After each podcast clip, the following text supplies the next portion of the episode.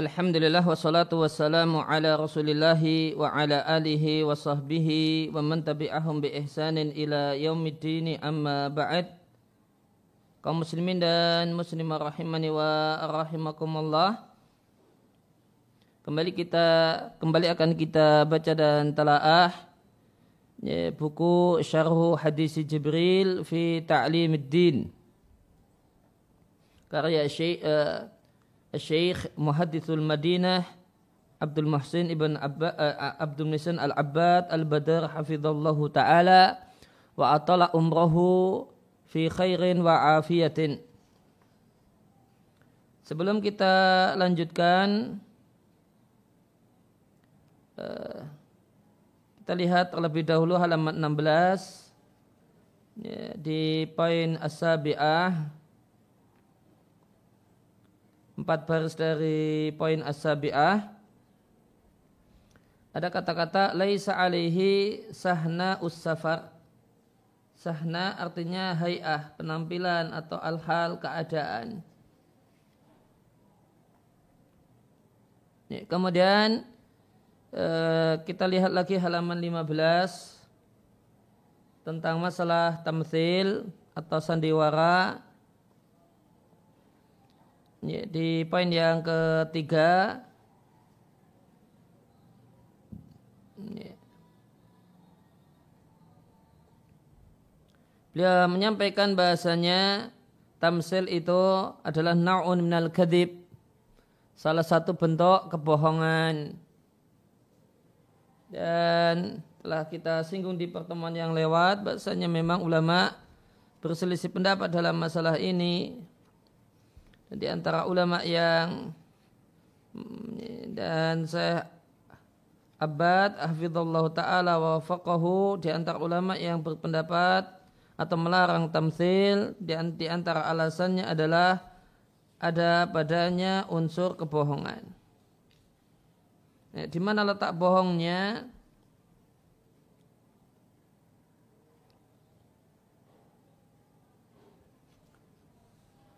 Dijelaskan di kita jumpai di referensi yang lain di hukum tamsil fi ilallahi karya Abu Abdurrahman Abdullah ibn Muhammad Al-Hadi disebutkan tentang alasan ulama yang melarang tamsil secara mutlak. Di antaranya ada yang beralasan kalau tamsil itu kadzib haitsu yakulul mumatsil karena seorang pemeran dalam kegiatan sandiwara itu mengatakan saya fulan. Padahal dia bukan fulan. Fahadha kadzibun wa khida'un lil musyahidin. Maka ini dinilai kebohongan dan tipuan lil musyahidin bagi para pemirsa, para penonton.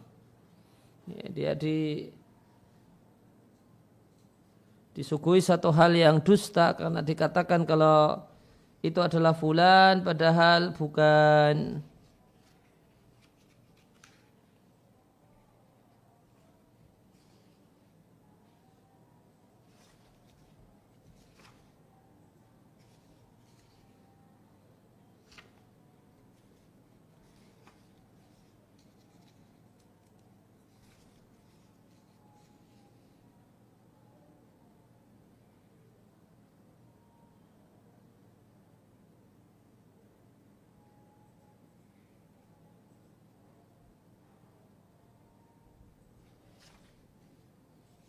Demikian juga alasan bohong disampaikan oleh Sebakar Abu Zaid rahimallahu taala di buku khusus beliau yang membahas tentang uh, keharaman tamthil yaitu bukunya berjudul At-Tamthil.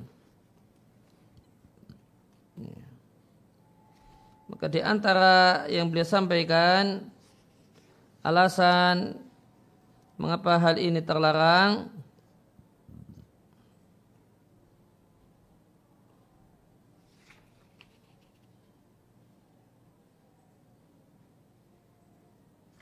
Di antaranya alasan yang keenam, beliau katakan At-tamsil la yanfaku anil kadhibi. Tamsil itu tidak lepas dari kebohongan. bihalin sama sekali tidak bisa lepas fil fi'al wal aqwal baik kebohongan dalam perbuatan ataupun ucapan. Bahkan betapa banyak ada ya, sumpah palsu pernikahan dan perceraian yang semuanya mengada-ada. Wal kadzibu adwa al adwa'i. Sedangkan bohong adalah penyakit yang paling parah. Orang yang beriman itu punya eh, kemungkinan dan probabilitas melakukan berbagai macam kejelekan kecuali khianat dan bohong. Wawajah dan penjelasan bahwasanya sandiwara tidak pernah lepas dari bohong ala mayali sebagai berikut. Jika sandiwara tersebut adalah usturah, adalah dongeng, maka dongeng itu dari pondasinya dari asasnya adalah ikhtilak mengada-ada dan satu sarana yang sangat jelek jika memberikan arahan kepada umat dan memberikan hiburan dengan sesuatu yang bohong dan sesuatu yang ya, mempermainkan akal.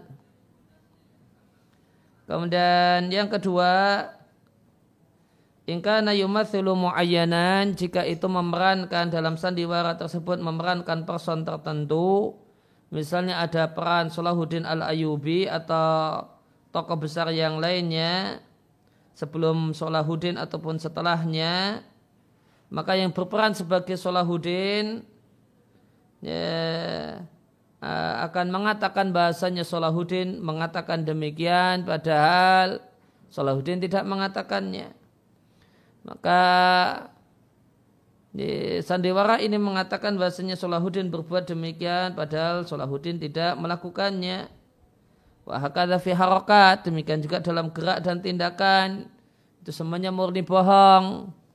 Ya, Solahuddin melakukan gerak begini, pergi ke sini dan ke sana.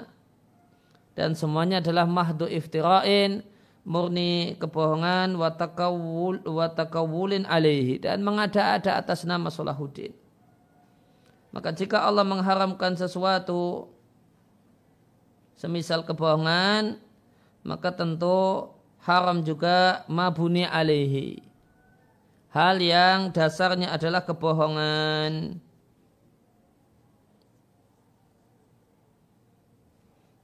Dan hal yang mengantarkan sarana kepada kebohongan. Watamsil sedangkan sandiwara itu sabilun ilaihi. Jalan menuju kebohongan. Dan dia memuat kebohongan sebagaimana yang anda saksikan.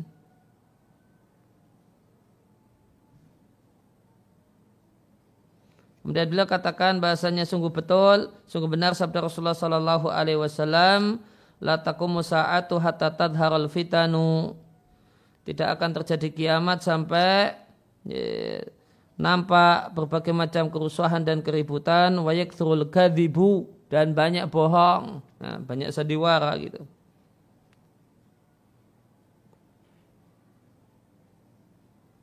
Nah itu uh, di antara alasan yang menjadi dasar ya, ulama yang e, melarang at-tamtsil atau sandiwara. Dan di antara ulama yang ya, membolehkan sandiwara dengan syarat adalah Ibnu Taimin rahimallahu taala. Ini penjelasan cukup detail beliau sampaikan di di, di tafsir surat Al-Baqarah. Ketika membahas firman Allah Ta'ala di ayat yang ke-266 ayawaddu ahadukum antakuna lahu jannatum min nakhili wa a'nab. Ini. Di situ ada masal Allah membuat permisalan surga uh, kebun yang berisi pohon kurma, anggur, mengalir di bawahnya sungai dan seterusnya. Pemiliknya orang yang tua wa asobal kibar wa lahu dzurriyyatun du'afa anaknya masih kecil-kecil maka di kandungan ayat Zaid bin mengatakan ayat ini dalil jawazub bil mathali bil kauli bolehnya membuat permisalan dengan kata-kata. Nah, kemudian bolehkah membuat permisalan dengan perbuatan yang disebut dengan tamthil, yang disebut dengan sandiwara atau bermain peran. Maka jawaban beliau al-jawabun na'am yajuzu lakin bisyarti alat yashtamila ala syai'in muharramin. Boleh namun dengan cara tidak mengandung unsur yang haram dan kami akan nadrib lidzalika amsilatan kami akan sampaikan sejumlah contoh untuk hal-hal yang haram fi tamthili dalam sandiwara. Yang pertama, hal-hal yang haram yang harus dihindari untuk bolehnya sandiwara menurut Syekh Ibnu Yang pertama adalah ayaku ayakuna fihi qiyamu rajulin bidawri mar'atin di antara hal yang haram dalam sandiwara adalah e, laki-laki memerankan peran perempuan atau perempuan memerankan laki-laki. Maka nanti ada tasabuh. Laki-lakinya berperan sebagai perempuan, maka didandani dengan dandanan perempuan. Dan sebaliknya. Kemudian yang kedua yang harus dihindari untuk boleh ayat adam mana ayat mana isdira'a dawil fadli minas sahabati wa a'immatil muslimina. Ini maka memuat istira tidak boleh memuat pelecehan dan perendahan orang-orang yang mulia semacam sahabat dan para imam. Lianna istira'ahum bahtiqarahum karena eh, merendahkan dan meremehkan mereka hukumnya haram wal qiyam ditamthilihim dan memerankan mereka itu merendahkan kedudukan mereka. Lebih-lebih lagi jika diketahui bahasanya pemeran itu orang fasik atau bahkan orang kafir atau orang murtad. Misalnya ada ulama kaum muslimin diperankan oleh orang murtad. Nah, ini merendahkan uh, yang diperankan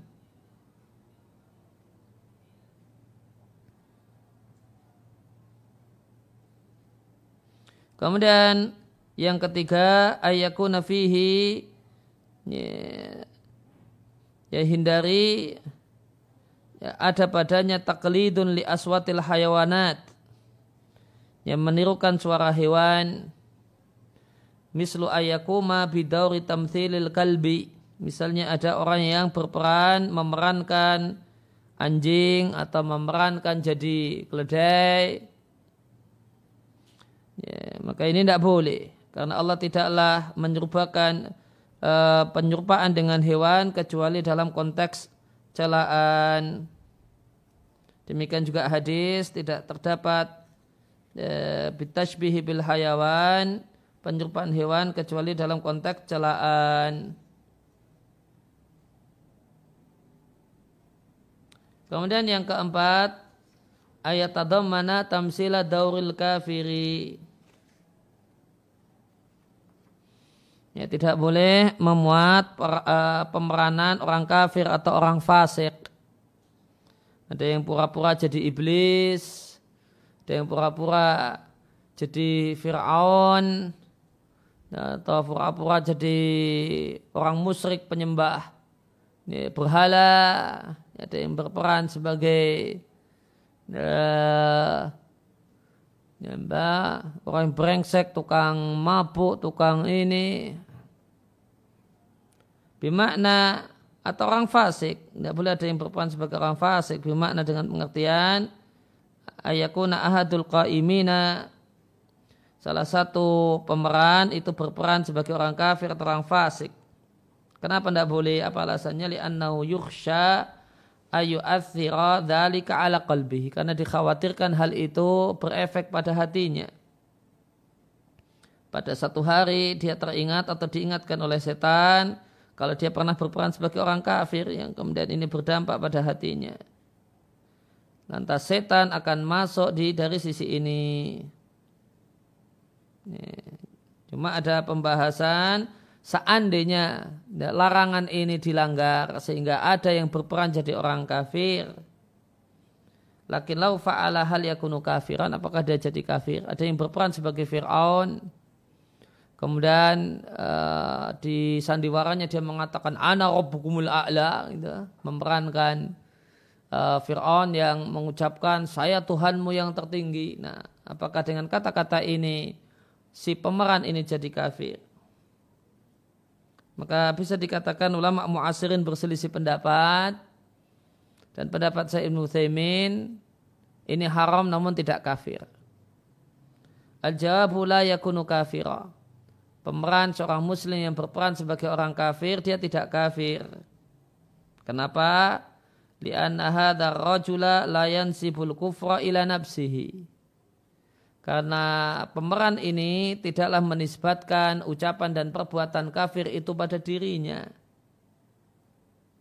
Bal sawwara nafsahu surataman yansibuhu ila nafsihi. Namun dia cuma uh, menggambarkan dirinya memotret dirinya dengan gambaran orang yang menisbatkan kekafiran pada dirinya.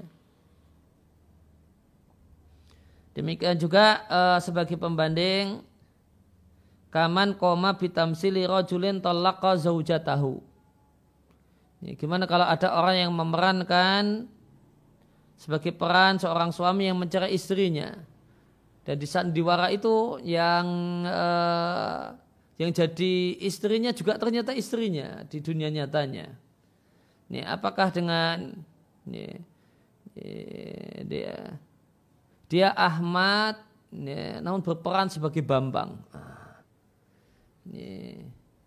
Kemudian istrinya Maryam ini, berperan sebagai Siti. Nah, kemudian di situ di sandiwaranya Bambang menceraikan istrinya. Kamu saya cerai. Nah, apakah uh, di dunia nyatanya jatuh cerai. Saya menurut berpendapat tidak jatuh cerai.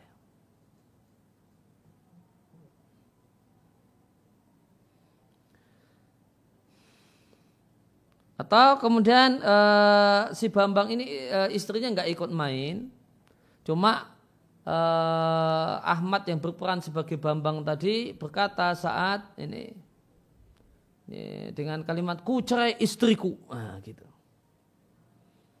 Ya, maka ini yang tercerai ini istrinya Bambang yang itu cerita rekaan atau istrinya Ahmad. Karena dengan alasan yang ngomong itu Ahmad dengan status berperan sebagai Bambang.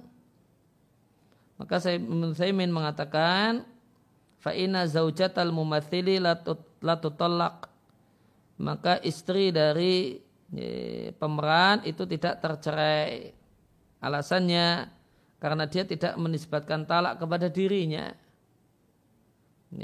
namun pada orang lain. Karena statusnya di sandiwara itu yang mencerai bukan Ahmad. Namun Bambang. Nih.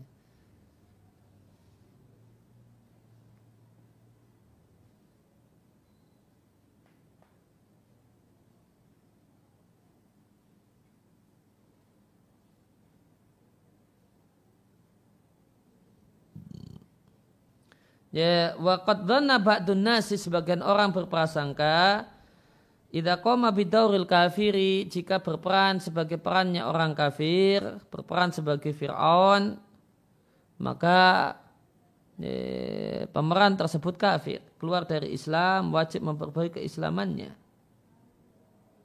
Hmm. Ya, dengan alasan at-taubah 6566 Kul abilai wa ayati wa rasuli kuntum tastahzi'un. Ya, jawaban saya Ibn Thaymin, fal jawabu an nakula. Jawaban kami adalah ya, Nabi mengatakan bahasanya seriusnya serius dan guyonnya serius di antaranya nikah dan cerai. Maka andai seorang laki-laki berkata kepada istrinya, engkau kucerai dan dia guyon, maka tercerai. Nah, gimana kalau ini dalam konteks Sarah seorang pemeran ya, dia memerankan seorang suami yang mencari istrinya dan di sandiwara dia bilang saya cerai istri saya hmm. tidak menyebutkan kamu gitu. Ya. dalam keadaan ya perempuan yang di situ adalah bukan istrinya namun kalimatnya menggunakan istri saya apakah kemudian uh, istrinya jadi tercerai, jadi Ahmad ikut sandiwara berperan sebagai Bambang. Di situ dia bilang, ku ceraikan istriku. Apakah istrinya tercerai? Jawabannya tidak. Nah apa beda Ahmad ini guyon sama istrinya kemudian mengatakan kamu saya cerai kemudian tercerai. Kemudian Ahmad ini malamnya eh, kamu saya cerai ini tercerai. Dan Ahmad yang berperan sebagai Bambang dan mengatakan saya cerai istri saya. Apa bedanya? Wal farqu zahirun, bedanya jelas. Karena orang yang guyon itu perbuatannya dinisbatkan pada dirinya. Sedangkan mumathil, seorang pemeran menisbatkannya kepada orang lain. Maka dia semisal orang yang menceritakan. Nah, jadi Ahmad ini bercerita ya, kalau ada sosok namanya Bambang punya istri dan Bambang mengatakan pada istrinya ya, kuceraikan istriku. Oleh karena itu maka istrinya tidak tercerai meskipun lelaki tersebut berperan sebagai suami yang mencerai. Demikian juga tidak kafir seandainya dia berperan memerankan orang kafir, memerankan Fir'aun. Namun meskipun ini tidak jadi kafir atau tidak jadi cerai, ya, lakin ara akan tapi aku berpandangan tidak boleh dari sisi yang lain. Yaitu boleh jadi ini memberikan pengaruh pada hati di masa depan. Yaitu dia terkenang kalau suatu hari dia pernah berperan sebagai orang kafir atau e, dilarang dari sisi nanti jadi bahan celaan. Ya, ada temannya yang akan e, mengomentari dia setelah sandiwara selesai. Oh, mana Fir'aun? Mana Fir'aun? Oh, ini datang Fir'aun. Nah, awas Fir'aun e, datang gitu. Ya, karena gara-gara dia berperan sebagai peran Fir'aun.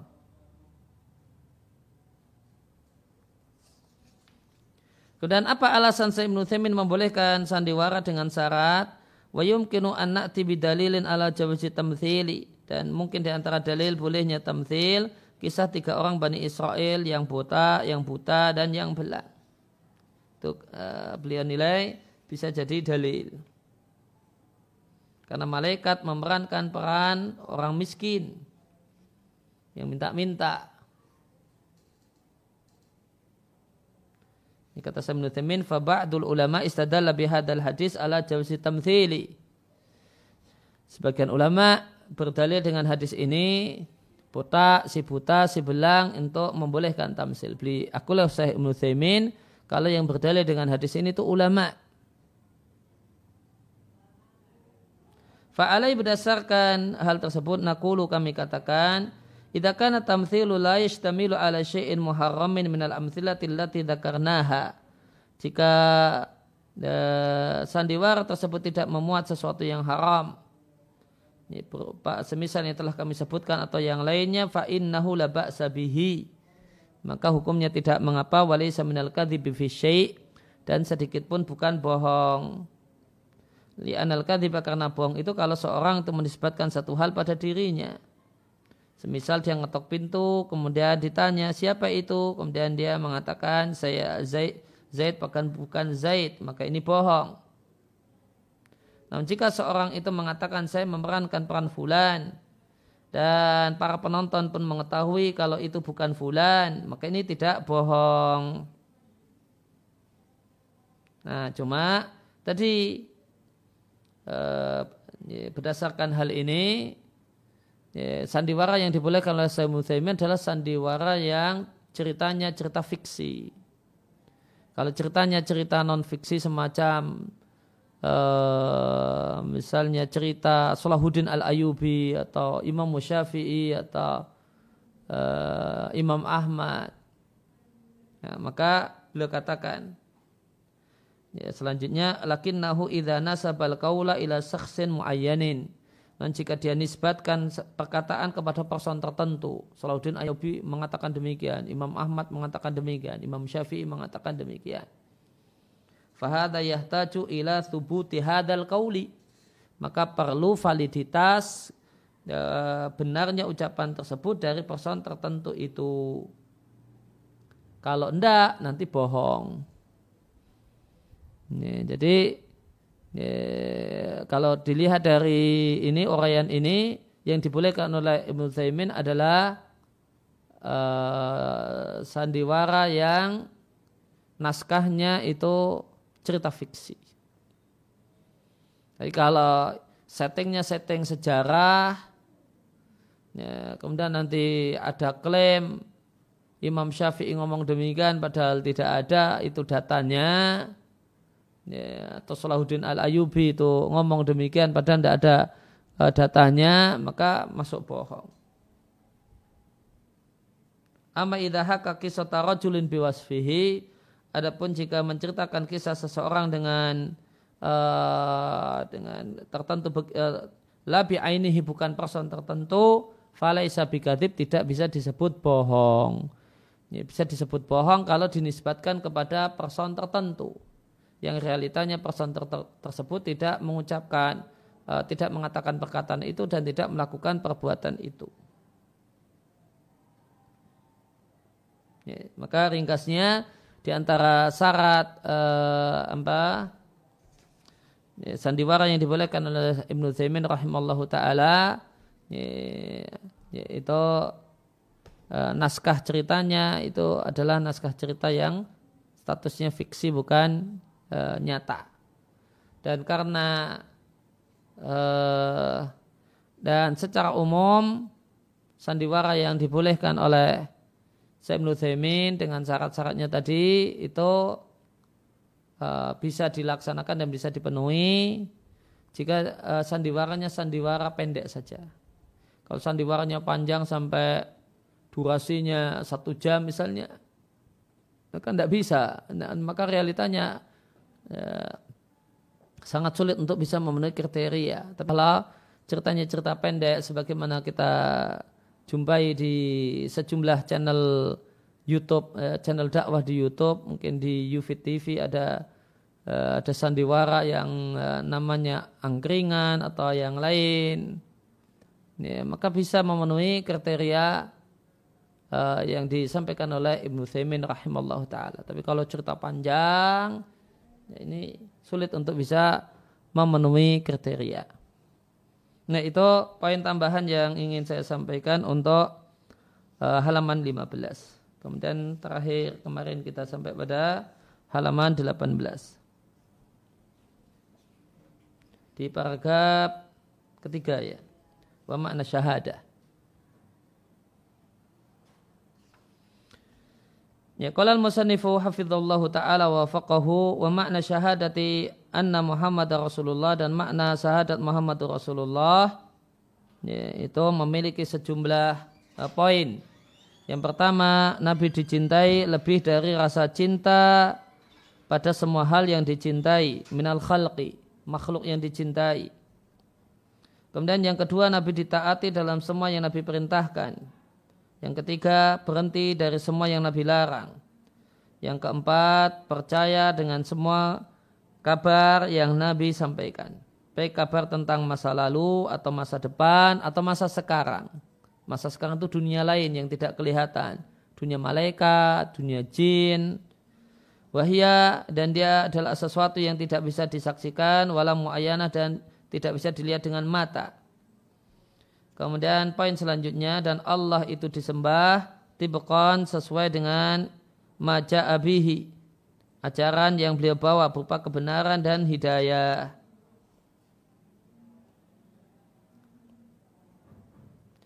Kemudian memurnikan amal hanya untuk Allah dan mengikuti ajaran Rasulullah Sallallahu Alaihi Wasallam adalah konsekuensi syahadat la ilaha illallah Muhammadur Rasulullah.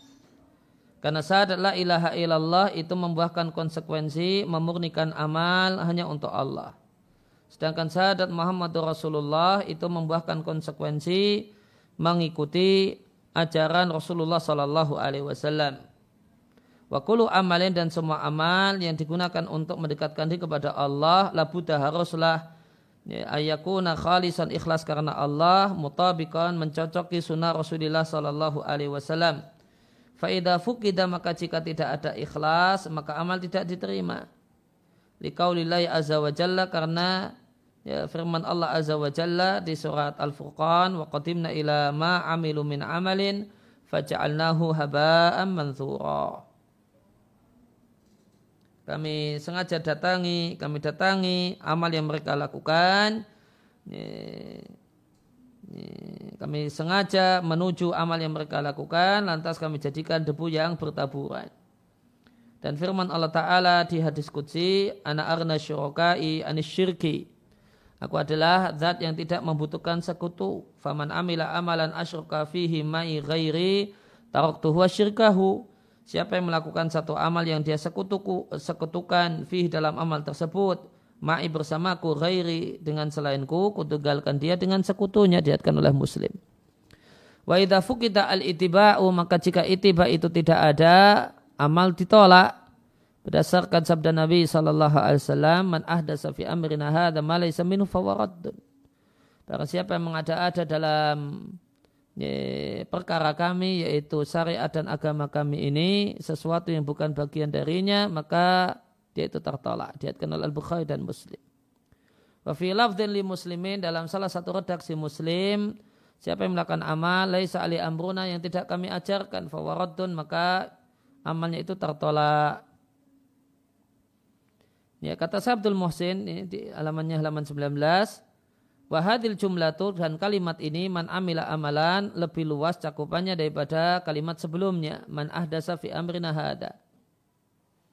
Liannaha karena kalimat yang kedua man amila amalan itu tashtam, tashmulu mencakup orang yang melakukan bid'ah dan dialah orang yang mengadakannya dan mencakup yang kedua orang yang melakukan bid'ah dan dia cuma ikut-ikutan orang lain fiha dalam bid'ah tersebut. Jadi kalau kita berdalih dengan uh, redaksi pertama man ahda safi amrina hada ada sebagian orang yang bisa ngeyel dengan bisa ngeles dengan mengatakan saya nggak mengada-ada kok. Ya, ya, saya tinggal melanjutkan yang diada-adakan oleh leluhur saya, ya, oleh pendahulu saya, nah gitu. Maka supaya orang ini tidak bisa ngeles, tidak ya, bisa ngeyel, maka disanggah dengan redaksi yang kedua, man amila amalan, siapa yang mengada-ada, baik dia adalah siapa yang melakukan amal yang tidak ada tuntunannya, baik dia yang mengada-ada atau sekedar ikut-ikutan. Walayukalu tidak boleh dikatakan bahasanya amal jika itu ikhlas karena Allah. Walam yakun mabnian ala sunnatin dan tidak dibangun di atas sunnah. Sedangkan niat pelakunya itu baik, maka amal tersebut terpuji dan bermanfaat bagi pelakunya. Ya boleh mengatakan demikian. Kenapa? Apa dalilnya? Bamimma dulu ala dalika di antara dalilnya adalah Rasul yang mulia sallallahu alaihi wasallam berkata kepada seorang sahabat yang menyembelih hewan kurbannya sebelum waktunya yaitu sebelum salat Aid yaitu Idul Adha. Nabi katakan syatuka syatulahmin. Meskipun niatmu baik dan benar, kambing yang engkau sembelih itu adalah hanya kambing yang menghasilkan daging yang halal dimakan. Maka Rasulullah Shallallahu Alaihi Wasallam tidak menganggap kambing yang disembelih sebelum waktunya itu sebagai uthiyatan hewan kurban. Liannaha karena kambing itu disembelih sebelum dimulainya waktu penyembelihan. Dan waktu penyembelihan itu dimulai ba'da salatil aidi setelah salat hari raya. Dan di sini dikeluarkan oleh Al-Bukhari dan Muslim. Waqad qala al-hafidhu fi syarhihi fil fatah al-hafidh Ibnu Hajar di sarahnya di Fathul Bari mengatakan kalau Syekh Abu Muhammad Ibn Abi Jamrah. Ibn Abi Jamrah mengatakan fihi kandungan hadis ini annal amala wa in wafaqa niatan hasanatan. Bahasanya amal itu meskipun mencocoki niat yang baik lam yasiha dia tidak sah.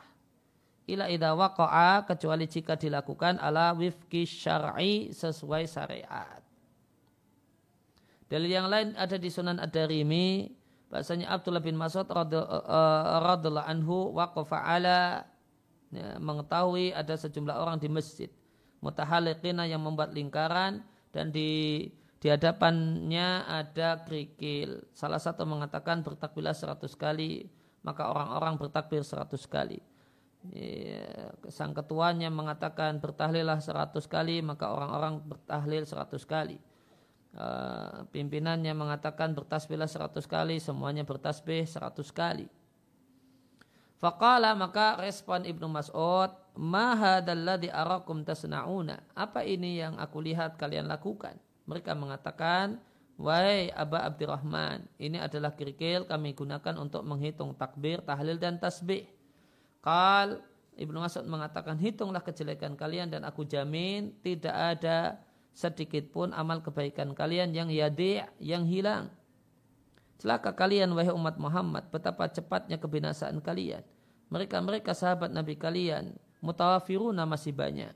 Wahadhi thiabu dan ini pakaiannya belum rusak dan ini wadahnya dan gelasnya dan piringnya belum patah, uh, belum rusak. Walladhi nafsi biyadi demi Allah zat yang nyawaku ada di tangannya innakum la'ala millatin hiya ahda min millati Muhammadin sallallahu alaihi wasallam sungguh kalian itu di atas agama yang itu lebih baik daripada agamanya Muhammad sallallahu alaihi wasallam atau kalian membuka pintu kesesatan. Kalau mereka mengatakan wallahi demi Allah ya Aba Abdurrahman Demi Allah wa Abu Abdurrahman, ma'aradna ilal khaira. Kami tidaklah menginginkan kecuali kebaikan. Kal maka Ibnu Mas'ud mengatakan satu perkataan yang indah yang patut digarisbawahi karena ini jadi kaidah dalam beragama. Ini, ini kaidah kaidah beragama yang penting. Ini halaman 20 ya. Wa kam min muridin lil khairi lan yusibahu. Betapa banyak orang yang menginginkan kebaikan tidak mendapatkannya. Atar ini dibawakan oleh Al-Albani di silsilah sahih. Kemudian kandungan hadis Jibril yang ketiga adalah ya, rukun Islam yang lima yang paling penting. Dari rukun Islam yang lima yang paling penting setelah dua kalimat syahadat adalah salat yang Rasulullah Shallallahu Alaihi Wasallam melabeli salat bi bahasanya salat itu tiang Islam. Label tiang Islam itu ada dalam hadis wasiat Nabi kepada Muad bin Jabal itu yang merupakan hadis yang ke-29 dari Arba'in Nawawiyah. Ya. Wa akhbar dan Nabi juga mengkabarkan bahasanya salat adalah perkara terakhir yang hilang dari agama Nabi juga mengkabarkan sholat adalah perkara pertama yang jadi materi hisab seorang hamba pada hari kiamat. Wa an nabiha dan bahasanya dengan sholat terbedakalah muslim dan kafir. Sebagaimana dalam hadis riwayat muslim. Wa mimma dulu dan di antara hal yang menunjukkan urgensi ahamiyah, urgensi sya'ni, ya, kedudukan atau derajat sholat, dan juga annallaha bahasanya Allah. Faradu salawatil khamsa mewajibkan salat lima waktu kepada mewajibkan eh, salat diwajibkan pada Rasulullah Sallallahu Alaihi Wasallam di malam Isra. Wa samai dan Nabi posisinya di langit. Kama ja'a dalika sebagaimana kisah hal tersebut terdapat ja'a fi terdapat dalam hadis Isra. Dan sesungguhnya penghuni neraka sakar atau penghuni neraka yujibuna memberikan jawaban bahasanya sebab mereka masuk neraka adalah lam nakum minal musallin. Kami tidak sholat. Wa anna salat dan senyap salat itu mencegah dari perbuatan keji dan mungkar. Dari dosa besar dan dosa secara umum. Dari dosa besar secara khusus dan kemungkaran ya, atau dosa secara umum. Sebagaimana firman Allah Azza wa Jalla wa aqimi salata inna salata tanha anil fahsya'i wal munkar tegakkanlah salat sehingga salat itu mencegah dari perbuatan yang kecil yaitu dosa besar dan mungkar dan kemungkaran secara umum. Wahia dan salat adalah wasiat terakhir yang disampaikan oleh Rasulullah disampaikan oleh Rasulullah sallallahu alaihi wasallam. Dari Ummu Salamah sehingga Rasulullah sallallahu alaihi wasallam mengatakan fi maradihi alladhi tuwfiya fihi.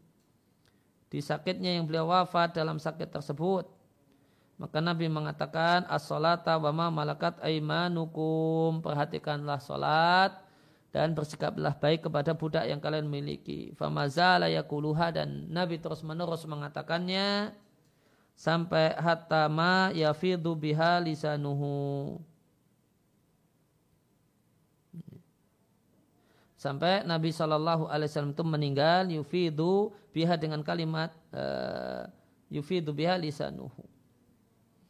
Ya, dengan memba dengan mengucapkan kalimat tersebut. Dari Anas bin Malik beliau mengatakan adalah mayoritas wasiat Rasulullah Shallallahu Alaihi Wasallam hina hadratul al wafatu ketika kematian datang pada beliau wa yuraghiru binafsihi dan beliau dalam keadaan sakaratul maut wasiat Nabi as-salat wa ma malakat aimanukum. Salat dan perhatikanlah budak-budak yang kalian miliki. Dari Ali bin Abi Talib, Qal Ali mengatakan karena akhir kalamin Nabi sallallahu alaihi wasallam perkataan terakhir Nabi sallallahu alaihi wasallam adalah as-salatu wa ma malak wa ma aimanukum. Ya, perhatikan salat kalian dan budak-budak yang kalian miliki dan dia adalah hadis yang sahih diatkan oleh Ibnu Majah dan yang lain. Wa aidan demikian juga fa inna Allah sunya Allah lamma dzakara sifatil mu'minin tatkala menyebutkan sifat orang beriman di dua surat, surat Al-Mu'minun dan surat Al-Ma'arij. Bada'aha bis salati. Maka Nabi eh, maka Allah buka dengan salat di halaman 21 dan Allah tutup juga dengan salat. Di surat Al-Mu'minun di awalnya Allah katakan qad aflahal mu'minun, sungguh beruntunglah orang-orang yang beriman. Allah buka dengan salat. Alladzina hum fi salatihim khashi'un itu orang-orang yang khusuk ketika salat. Waqala fi akhiriha dan di akhirnya uh, disampaikan walladzina hum an salawatihim yuhafidun dan orang mereka adalah orang-orang yang rutin menjaga salatnya. Itu di Al-Mu'minun. Kemudian di Al-Ma'arij. Setelah menyebutkan karakter umumnya manusia, Allah katakan illal musallin. Kecuali orang-orang yang salat, alladzina hum ala salatim daimun yang mereka adalah orang-orang yang daim terus menerus mengerjakan sholat tidak bolong-bolong. Ini kadang pas ingat sholat di waktu yang lain tidak sholat. Kemudian di akhirnya waladina hum ala sholatihim yuhafidun dan mereka adalah orang yang rutin mengerjakan sholat. Kemudian tentang menegakkan sholat, maka menegakkan sholat itu ada dua macam kata Abad hafidhallahu ta'ala. Wa iqamati sholat takunu ala halataini Ya, menegakkan sholat itu ada dua macam. Yang pertama menegakkan sholat yang hukumnya wajib. Wahia wahwa ada uha ala akalli mayah sulubihi fi'lul wajibi. Yaitu melaksanakan sholat dengan kadar minimalis. Ya, yang terwujud dengan kadar minimalis tersebut fi'lul wajibi melakukan kewajiban. Dan gugur dengannya adimatu kewajiban. Kemudian yang kedua ikomatus sholat yang hukumnya mustahab yaitu menyempurnakan sholat dan melengkapi sholat bid'idyan dengan melakukan semua hal yang dianjurkan fiha dalam sholat. Kemudian sholat yang eh, lima waktu itu lazimatun wajib bagi setiap balirin akilin, balik dan berakal. Balik dan berakal biasa disingkat oleh para ulama fikih dengan sebutan mukallaf. Baik laki-laki ataupun perempuan selama nyawa ada di badan dan wajib bagi laki-laki untuk melaksanakan sholat dengan berjamaah di masjid. Ini garis bawahi tidak hanya sekedar jamaah, namun uh, kata beliau di masjid. Yaitu dan masjid ini boleh jadi masjid jamaah, ini, tempat kita disebut langgar, musola dan uh, yang lainnya atau masjid jami' yang ada sholat Jumat padanya. Wa yadullu lidzalika dalilnya adalah sabda Nabi sallallahu alaihi wasallam Demi Allah, zat yang nyawaku ada di tangannya. Sungguh aku berkeinginan untuk memerintahkan agar kayu bakar dikumpulkan. Kemudian aku perintahkan sholat supaya diadani. Kemudian aku perintahkan seseorang untuk mengimami ya, para jamaah. Kemudian sedangkan aku sendiri Thumma ukhalifu aku akan menyelisih yaitu aku akan aku tidak ikut sholat ila menuju sejumlah orang yang tidak mau ke masjid akan kubakar rumah mereka. Demi Allah zat yang jiwaku dan nyawaku di tangannya. Seandainya salah satu mereka itu mengetahui dia akan mendapatkan ya, daging yang gemuk. Hmm. Ya, daging yang gemuk, oh marmata ini, hasanata ini, eh, atau binatang dua binatang buruan yang bagus, seandainya dia ke masjid untuk sholat isya, la syahid al isya'a, tentu dia akan hadir dan mengikuti sholat isya. Diatkan oleh Bukhari dan Muslim dari Abu Hurairah. Dan sabda Nabi Shallallahu Alaihi Wasallam sehingga solat yang paling berat bagi orang-orang munafik adalah solat isya dan solat subuh. Seandainya mereka mengetahui ma fihima pahala di dua solat tersebut, mereka akan mendatangi dua uh, solat tersebut walau habuan meskipun sambil merangkak. Dan sungguh aku berkeinginan untuk memerintahkan supaya sholat ditegakkan, kemudian akan aku perintahkan seorang untuk faisali bin nasi untuk jadi imam bagi jamaah masjid. Suma antoliku kemudian aku akan berangkat dan bersamaku ada sejumlah orang bersama mereka satu ikat kayu bakar. Ini mendatangi sekelompok orang yang tidak hadir sholat dan akan kubakar rumah-rumah mereka dengan api. Diatkan oleh Al-Bukhari dan Muslim dari Abu Hurairah. Dan dilihatkan oleh Muslim dalam sahihnya dari Ibnu Mas'udin, Ibnu Mas'ud mengatakan man sarahu, siapa yang ingin berjumpa Allah dan besok musliman sebagai seorang muslim. Falyuhafid ala haula'i salawati. Maka hendaklah rutin mengerjakan lima solat tersebut. Hatta yunada bihinna. Eh, haithu di tempat yunada bihinna. Adan, panggilan. Ya, panggilan atau adan diserukan. Sungguh Allah telah syariatkan bagi Nabi kalian jalan-jalan hidayah. Dan bahasanya sholat itu bagian dari jalan hidayah. Seandainya kalian sholat di rumah sebagaimana sholatnya hadal mutakhallif orang yang tidak jamaah ke masjid. Yang sholatnya fi baiti di rumah saja, niscaya kalian meninggalkan sunnah Nabi kalian. Dan seandainya kalian tinggalkan sunnah Nabi kalian, la dolaltum, tentu kalian akan sesat.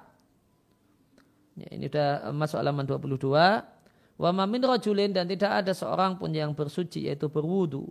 Kemudian dia memperbagus wudunya, kemudian sengaja pergi ke masjid, eh, salah satu masjid. Kecuali Allah akan catatkan baginya setiap langkah kaki yang dia langkahkan satu kebaikan. Dan dengan uh, langkah kaki tersebut Allah tinggikan satu derajat dan Allah hilangkan karenanya satu kejelekan.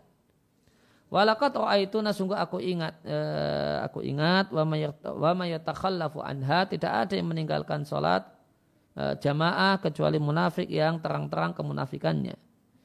Walakot kana rajulu yu'ta dan ada seorang yang didatangkan yuhada baina rajulaini ya, dipapah di antara dua orang supaya bisa ditegakkan di soft. Ya, maka ini menunjukkan semangat para sahabat ya, meskipun sakit boleh di rumah namun mereka berupaya tetap pergi ke masjid. Demikian juga tadi Nabi sampaikan seandainya orang tuh tahu pahala sholat isya saya akan datang meskipun merangkak dan merangkak artinya sakit. Ya, maka Nabi memuji sikap semacam ini. Merangkak, sakit, merangkak, tetap pergi ke masjid. Nabi tidak memberikan label negatif untuk orang seperti ini. Ini menunjukkan kalau ini satu hal yang terpuji. Meskipun orang sakit itu boleh di rumah, namun pergi ke masjid lebih afdol. Kemudian Uh, demikian juga diriatkan dalam sahihnya dari Abu Hurairah. Atan Nabi ya datang kepada Nabi seorang yang buta dan mengatakan Rasulullah, aku tidak memiliki penuntun yang menuntunku ke masjid. Lantas dia meminta kepada Rasulullah Sallallahu Alaihi Wasallam untuk memberikan keringanan untuknya supaya bisa sholat di rumah. Nabi pada awalnya memberikan keringanan. Falamma walla tatkala berpaling mau kembali Nabi memanggilnya dan mengatakan hal tasma'un nida abis salati apakah engkau mendengar seruan untuk sholat yaitu adan dia katakan iya kal maka Nabi katakan fa'ajib maka datangilah seruan ya, seruan adan panggilan adan dari Ibnu Umar radhiallahu anhu beliau mengatakan kami jika kehilangan ya, seseorang dalam sholat isya Ya, Isyaul akhirah, Isyaul akhirah itu sama dengan Isya. Karena maghrib itu juga disebut Isya. Ya, maka yang akhir itu Isya. Seandainya kami kehilangan seseorang, artinya di uh, tidak ada di masjid saat sholat Isya dan sholat subuh, asak Nabi Donna. Kami berburuk sangka kepadanya. Ada gelagat kemunafikan pada dirinya. Diatkan Al-Hakim dalam Mustadrak Al-Hakim mengatakan saya menurut kriteria dan Muslim dan tidak dikomentari atau disetujui oleh Az-Zahabi. dulu dan dari dalil wajibnya salat berjamaah terdapat sejumlah nas dari ayat Al-Quran dan hadis bi ada iha untuk tetap mengerjakan salat hak dengan berjamaah halal khawfi dalam kondisi ketakutan. Sebagaimana firman Allah Azza wa Jalla wa idza kunta fihim jika engkau berada di tengah-tengah mereka lantas kau tegakkan salat berjamaah bersama mereka. Maka hendaklah sekelompok dari mereka e, faltakum e, ma'aka berdiri bersamamu. Al ayata wa dan terdapat dalam fisuna dalam hadis sejumlah hadis yang banyak tadulu menunjukkan pelaksanaan sholat khauf ala aujahin mukhtalifatin dengan bentuk tata cara yang beda-beda namun semuanya masih dalam kerangka dalam bingkai salat berjamaah. Kemudian yang keempat ya, zakat dan zakat adalah bergandeng dengan sholat fi kitabilai dalam Al-Quran dan dalam sunnah Rasulnya sallallahu alaihi wasallam. Sebagaimana firman Allah Azza wa Jalla, fa in tabu aqamu salata jika mereka bertobat dan menegakkan salat dan membayar zakat, fa khallu sabilahu. Maka biarkanlah jalan mereka. Waqal dan Allah berfirman jika mereka bertobat, menegakkan salat dan membayar zakat, fa ikhwanukum fid dini maka mereka adalah saudara musa agama. Waqal wa ma umiru dan tidaklah mereka diperintahkan kecuali supaya menyembah Allah dengan memurnikan lahu untuk Allah adina ya, ibadah dan ketaatan. Hunafa menjadi orang-orang yang condong ya, pada kebaikan atau dan tauhid.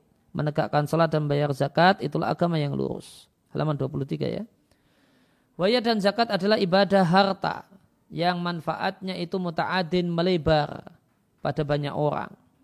Ya, manfaatnya bukan hanya pahala bagi orang yang mengeluarkan zakat, namun juga ada manfaat bagi orang yang diberi zakat. Dan Allah wajibkan di harta orang kaya ya, ala wajah dalam bentuk memberikan manfaat pada orang fakir dan tidak merugikan orang yang kaya.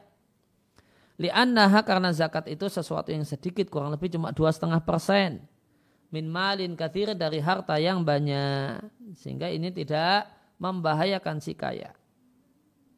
Kemudian yang kelima puasa Ramadan adalah ibadah badan dan dia adalah rahasia seorang hamba dengan Rabbnya. Tidak ada yang mengetahui puasa kecuali Allah Subhanahu wa taala.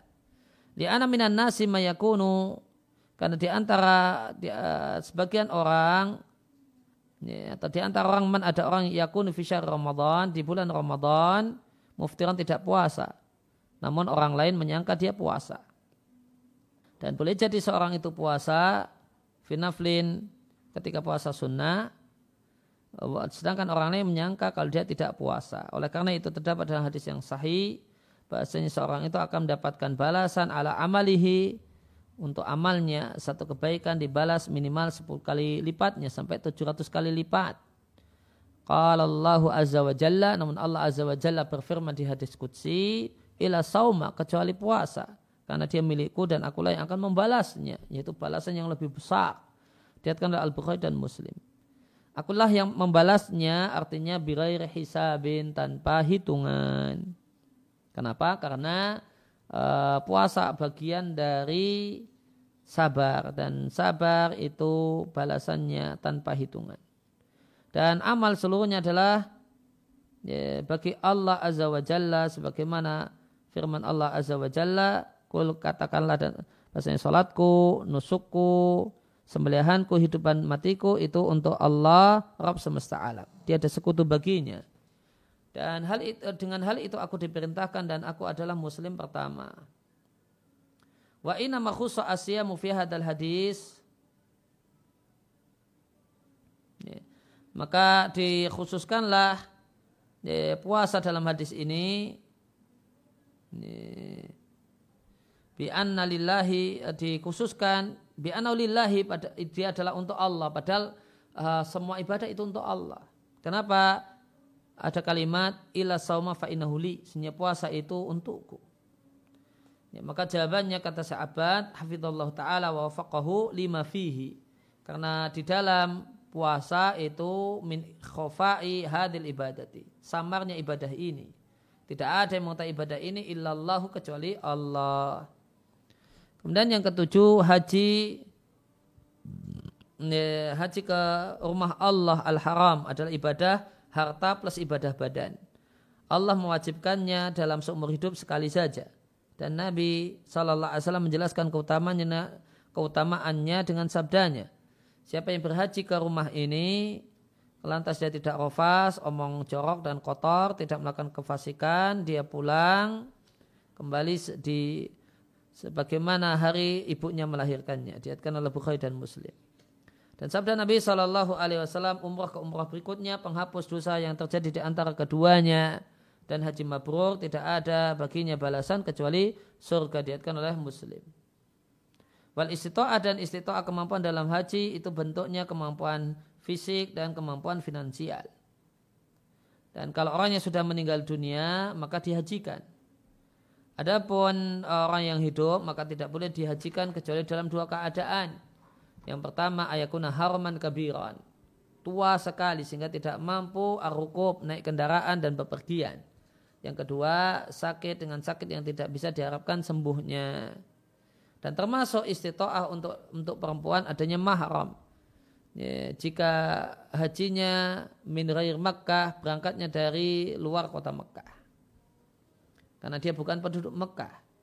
Mengingat sabda Nabi Shallallahu Alaihi Wasallam tidak boleh seorang laki-laki berduaan bersepit-sepit dengan seorang perempuan kecuali perempuan tersebut dibersamai oleh mahramnya dan seorang wanita tidak boleh safar kecuali bersama mahramnya. Fakoma rajulun maka ada seorang yang seorang laki-laki yang berdiri dan mengatakan Rasulullah istriku berangkat mau haji dan aku tercatat ikut perang ini dan itu. Maka Nabi Shallallahu Alaihi Wasallam menyampaikan intalik berangkatlah dan berhajilah bersama istrimu diatkan oleh Al Bukhari dan Muslim dari Ibnu Abbas radhiallahu anhu. Poin yang ketujuh, uh, rukun Islam yang lima ini terdapat dalam hadis ini secara urut sesuai dengan urgensitasnya. Nilai pentingnya dimulai dengan dua kalimat syahadat yang merupakan asas atau pondasi semua amal yang digunakan untuk mendekatkan diri kepada Allah Azza wa Jalla. Kemudian uh, sholat yang itu berulang dalam sehari semalam sebanyak lima kali.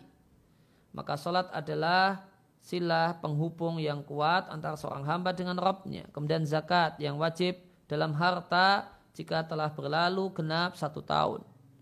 Liana naf'aha karena manfaat harta itu meluas. Kemudian puasa yang wajib satu bulan selama setahun. Dan dia adalah ibadah badan yang manfaatnya tidak melebar. Manfaatnya hanya pahala yang didapatkan oleh orang yang berpuasa. Kemudian haji yang tidak wajib dalam umur dalam satu umur kecuali sekali saja. Poin yang kedelapan Ya, setelah mendapatkan jawaban Jibril mengatakan sodakta kami heran dengannya dia yang bertanya dan dia yang membenarkannya. Penjelasan kenapa terheran Lianal ghalib karena umumnya ala sa'il orang yang bertanya itu tidak mengetahui jawaban. Sehingga dia bertanya untuk mendapatkan jawaban. Mislahu dan orang semacam ini tidak akan berkata kepada orang yang ditanyai ketika orang yang ditanya memberikan jawaban, Anda benar. Karena seorang penanya jika dia membenarkan orang yang ditanyai, dalla itu menunjukkan bahasanya dia punya jawaban sebelumnya. Oleh karena itu para sahabat terheran min hadat tasdik dari ucapan pembenaran ini yang berasal dari seorang penanya yang dia adalah orang asing bukan penduduk Madinah. Ya demikian yang kita baca kesempatan pagi hari ini. Wassallallahu ala nabi Muhammadin wa ala alihi washabihi wasallam wa ruda'ana alhamdulillahi rabbil alamin. Ada pertanyaan Ustaz? Ya. Assalamualaikum warahmatullahi wabarakatuh. Waalaikumsalam warahmatullahi wabarakatuh. Bismillah Ustaz mau bertanya, bagaimana kalau ada peran pernikahan apakah akad di dalamnya sah atau bagaimana Ustaz? Ya, maka kalau pakai kaidah Syekh Ibnu ya tadi uh, kalau dinisbatkan kepada orang lain ya bukan pada dirinya. Maka ketika Bambang ini akad nikah, yang akad nikah Bambang, bukan Ahmad. Dia namanya Ahmad, berperan sebagai Bambang. Bambangnya nikah. Maka apakah Ahmad nikah? Tidak. Ahmad tidak nikah. Yang nikah itu Bambang gitu. Nah. Sudah. Demikian subhanakallahumma wa bihamdika asyhadu an la ilaha illa anta astaghfiruka wa atubu ilaik.